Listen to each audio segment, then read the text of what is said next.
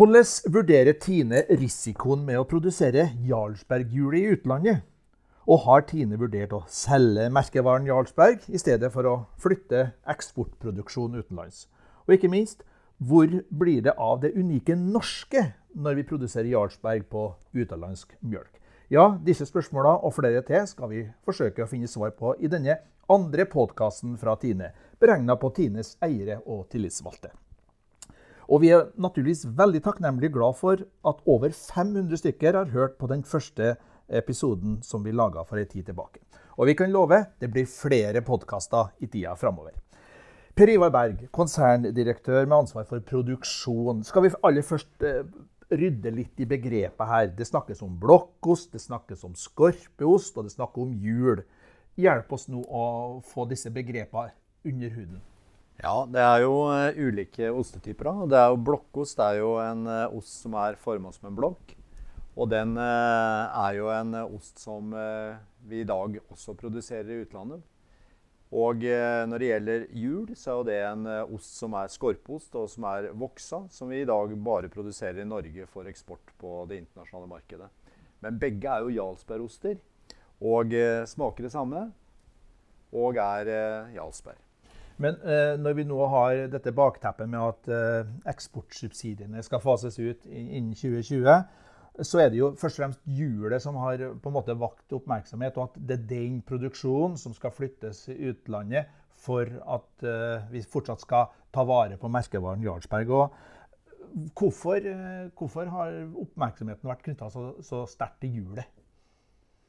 Hjulet er jo en det er jo en annen produksjonsteknikk på en måte. Selv om eh, vi har jo testa hjulproduksjon også i utlandet i flere runder. Både i USA og i Irland. Og det går veldig fint. Så det er jo det som er det spesielle med hjulet, er jo at du må ha noe tilleggsutstyr for å legge på voks. Og så er det litt mer på lagring, hvor du må sikre eh, riktig lagringsparameter. Du sier jo at hjulet smaker litt bedre, da? Ja, det er nok eh, kanskje noen som sier det. Det er, må nok snakke med ekspertene på. Men eh, det smaker nok ganske likt, ja. Og Jarlsberg er Jarlsberg, eh, om det er blokk eller hjul. Mm. Men vi må kanskje presisere at fortsatt så skal vi jo produsere hjulet i Norge, bl.a. For, det, for det innenlandske markedet. Det er viktig å presisere her. Det skal vi gjøre. Mm. Skal. Ja, Katrine Moe, du har ansvaret for, for markedet og den utenlandske satsinga, eller internasjonal virksomhet, som det så fint heter. Hvordan skal vi da i framtida sørge for at denne, dette hjulet også kommer inn i, om ikke helt hjul, iallfall deler av hjulet, inn i kjøleskap verden over?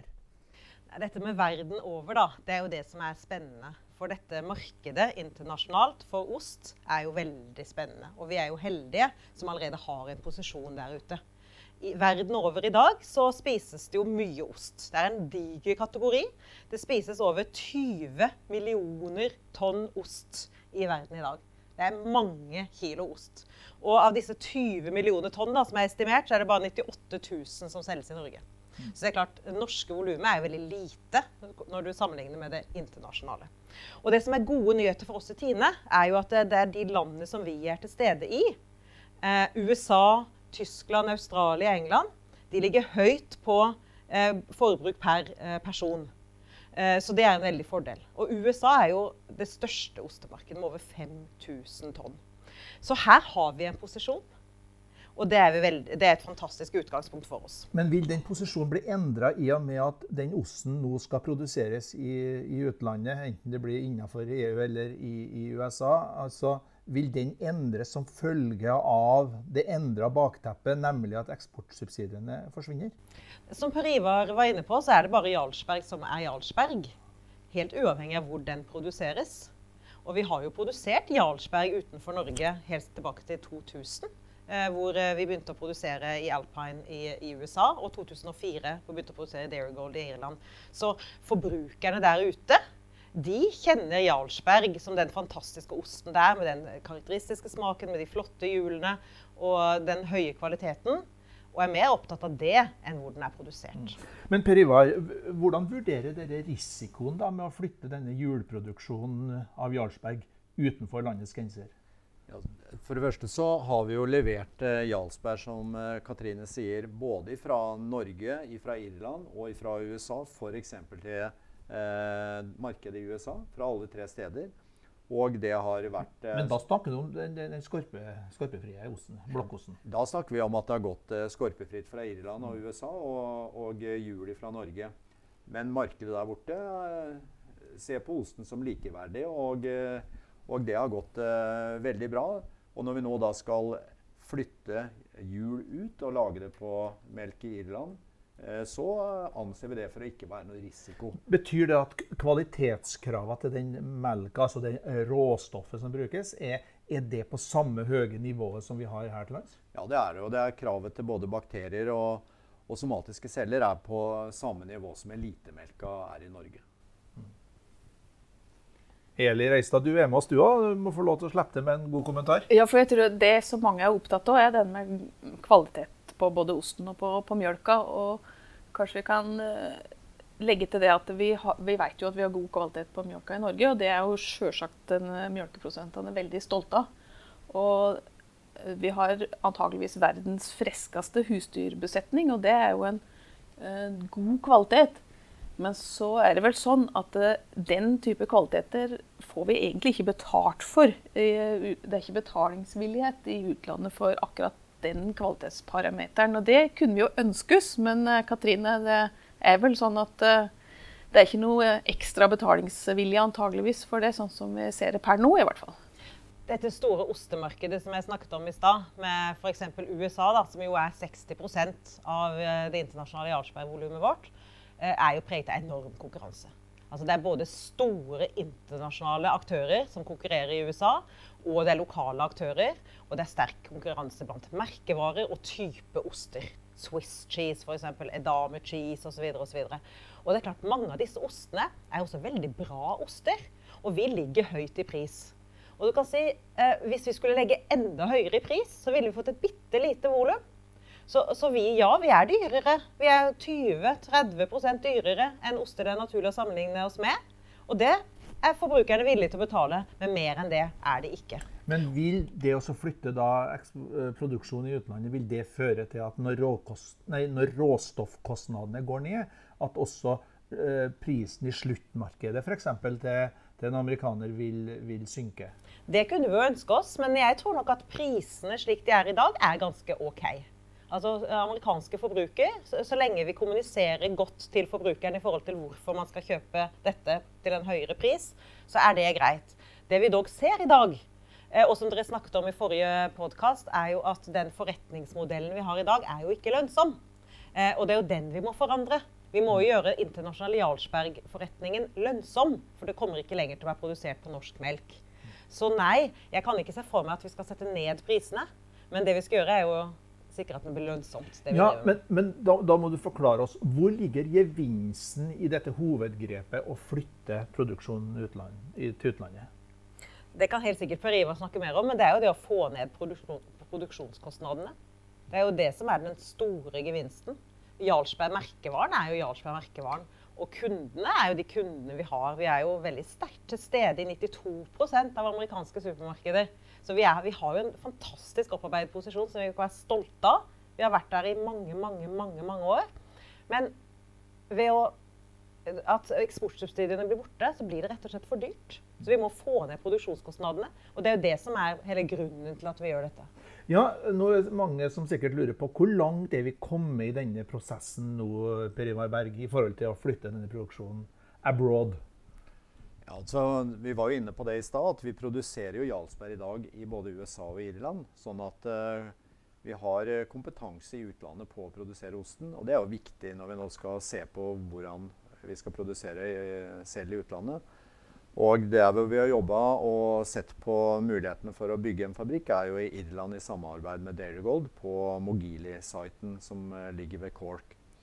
Og det er et viktig samarbeid i forhold til at også der vil også melk bli levert, og vi leverer mye tilbake. Og Der jobber vi i, med detaljprosjektering på et anlegg, hvor også selvfølgelig hele driftsmodellen er med på kostnadssida og på og på utstyrssida. Og der har vi gjort ferdig detaljprosjektering og er ute og forespør nå på priser, sånn at vi kan gjøre oss ferdig og se hva et endelig business case vil være før en endelig beslutning tas. Da. Når regner du med at den saken havner i konsernstyret og til en endelig beslutning? da? Vi jobber etter at eh, vi skal være ferdig med kostnadskalkyler til eh, desember-styremøtet. Og jeg håper jo at vi klarer å komme opp med en god løsning på dette. Det håper jeg jo virkelig. For vi har jo, som jeg sa i stad, bygd en superposisjon. Vi omsetter for over 3 milliarder kroner, vi, Tine, utafor Norge. Over 3 milliarder kroner. Eh, Jarlsberg er jo ca. halvparten av det. Og, og, vi selger 17 000 tonn utafor Norge. Så det fins jo ikke noen merkevare i dette landet som er sterkere enn Jarlsberg utenfor Norge. Men da er det mange som sier når vi har en sånn fantastisk merkevare, så ligger det jo en stor verdi i det. Hvorfor ikke da selge den verdien og ta, realisere hva som ligger i denne fantastiske merkevaren? Og så skal noen andre få gleden av å bygge dette videre? Nei, her har vi arbeidet opp en fantastisk posisjon. Jeg, men det får jo være opp til Jo, Men, har, til... men for, å, for, å, være litt alvorlig, har dette vært reelt sett diskutert om vi skulle uh, ta ut den verdien som ligger i Jarlsberg? I form, av, I form av, salg? Jeg, jeg, tror det har vært mange diskusjoner opp gjennom årene av ulike muligheter man har. Det du sier der, er jo en mulighet. Uh, men det vil også koste penger. da. For det er klart Vi må jo bygge dette merket videre for at det hele tatt skal kunne selges til noen. Så, så det har helt sikkert, har helt sikkert vært diskutert opp igjennom. Men det å sitte på en sånn eiendel da, som vi gjør, med Jarlsberg, en sånn juvel. Eh, diskusjonen burde heller være hvordan vi utnytter det videre, og ikke hvordan vi blir kvitt det. Mm. Så er spørsmålet, Det som skjer med Jarlsberg, kan det overføres til andre produkt som vi har en mulighet for å vokse også internasjonalt? Det er jo Jarlsberg som er fyrtårnet. Men hva med resten av eh, produkter som kan være aktuelle? Ja, Det vi ser i dag, da, f.eks. Eh, la oss ta et, eh, en merkevare som Snøfrisk. Eh, det vokser jo. Der vokser vi. Og der er vi lønnsomme, selv på, på norsk melk. Og grunnen til det at her er vi, opererer vi en liten det blir sånn marketingfaglig, men det er vi veldig nisje, hvor forbrukere er villige til å betale ganske høy pris. Jarlsberg er jo posisjonert mot en bredere målgruppe, mens Snøfrisk er mot en veldig smal målgruppe, så det blir jo ikke store volumer. Men men det å kunne legge til flere merkevarer i det tilbudet vi går til handelen med internasjonalt, er jo en del av strategien fremover. Mm. Vi har Snøfrisk. Eh, vi har jo også for enkelte mennesker der ute Gudbrandsdalsosten, som, eh, som er jo en, eh, en kuriositet. Og mange Den blir enda smalere nesten enn ikke det? Ja. Jo, det blir jo det. Og samtidig så sitter vi jo også i Tine-konsernet, så har vi jo andre merker F.eks. Eh, når vi kjøpte, kjøpte Ilchester eh, Northland i England i sin tid, så er det jo en merkevare der som heter Applewood Ilchester Mexicana. Som også har en jobb å gjøre kanskje i flere markeder enn kun i England. Vi eksporterer jo i dag til 21 land rundt omkring på denne, på, det, på denne kloden. 21 land. Så vi har muligheter her til å bygge enda mer. Så du har ambisjon om at både volum og antall land skal da øke i årene framover? strategien nå er jo å fokusere på de landene hvor vi er, og forsterke forretningen der. Men det er klart, med 21 land og med, eh, med kun 98 000 eh, tonn, som vi snakket om i stad, eh, i en verden som selger over 20 millioner tonn, så er det klart potensialet er til stede. Eli Røistad, vi skal snart gå inn for landing her. men Tror du at vi kommer til å oppleve at det selges Jarlsberg i Norge produsert i utlandet? Og hva blir i så fall reaksjonene hos eh, bøndene som du skal betjene? Det vet jeg at det er mange som, som, lurer på, akkurat det spørsmålet der. Og garantier har han kanskje aldri, men, men, men, Tine bestemmer jo i stor grad hvem han selger til der ute, og kan, kan koble det. Men, men, at det fins noen garantier, det er kanskje vanskeligere å si. Katrine kan kommentere det ytterligere, men jeg tror ikke det skal dominere denne ja, det, diskusjonen. Det, det, vil være litt sånn en vond smak hos uh, norske melkeprodusenter, vil det ikke være det? Jo, det vil det selvsagt være. Altså, jeg ja. vet at mange er opptatt av akkurat uh, det spørsmålet. Nei, det er som du sier, Vi kan vel aldri garantere det. og kjedene handler jo, Våre kunder handler jo fra, fra det de, de, ønsker. Men da blir det jo opp til oss da, å styre kvaliteten. At det er, eh, det er riktig kvalitet, og styre prisen, ikke minst. Vi ser jo i dag at det, det går an å kjøpe Eh, Jarlsberg, ordentlig, skikkelig Jarlsberg, eh, billig f.eks. i grensehandelen. Sånn, disse problemstillingene må vi jo kanskje løse på en annen måte fremover. Hva tenker Per Ivar, er det et fremtidsscenario som, som er fjernt for en ansvarlig produksjonsmann? Nei, det, det, er vanskelig å si noe om om det vil kunne skje. Men jeg har en annen refleksjon rundt det med å være i utlandet. og Det går jo på at du spør jo om vil det gi muligheter på andre produkter. og Hvis en ser litt fra produksjonssida, det vi ser er jo at når vi er ute nå og diskuterer hvordan vi kan etablere produksjon i utlandet, så ser vi at det er viktig at vi overfører vår kompetanse inn i eh, Jarlsberg juleproduksjon i utlandet. Men vi ser jo i samarbeid med andre aktører at vi har også en del å lære fra internasjonal produksjon, som er i et eh, konkurranseutsatt marked, på å ta med kompetanse tilbake, sånn at vi òg kan bli mer effektive i vår produksjon i Norge. Og Det er en viktig del av det å være internasjonalt. At det er en toveis eh, læring i å jobbe internasjonalt. Der fikk du siste ordet i denne podkasten, Per Ivar Berg, ansvarlig for produksjon i Tine. Takk også til Katrine Moe, som er konserndirektør for marked og internasjonal virksomhet, og Eli Reistad, organisasjonssjef i Tine. Og så er vi tilbake med en ny podkast helt plutselig.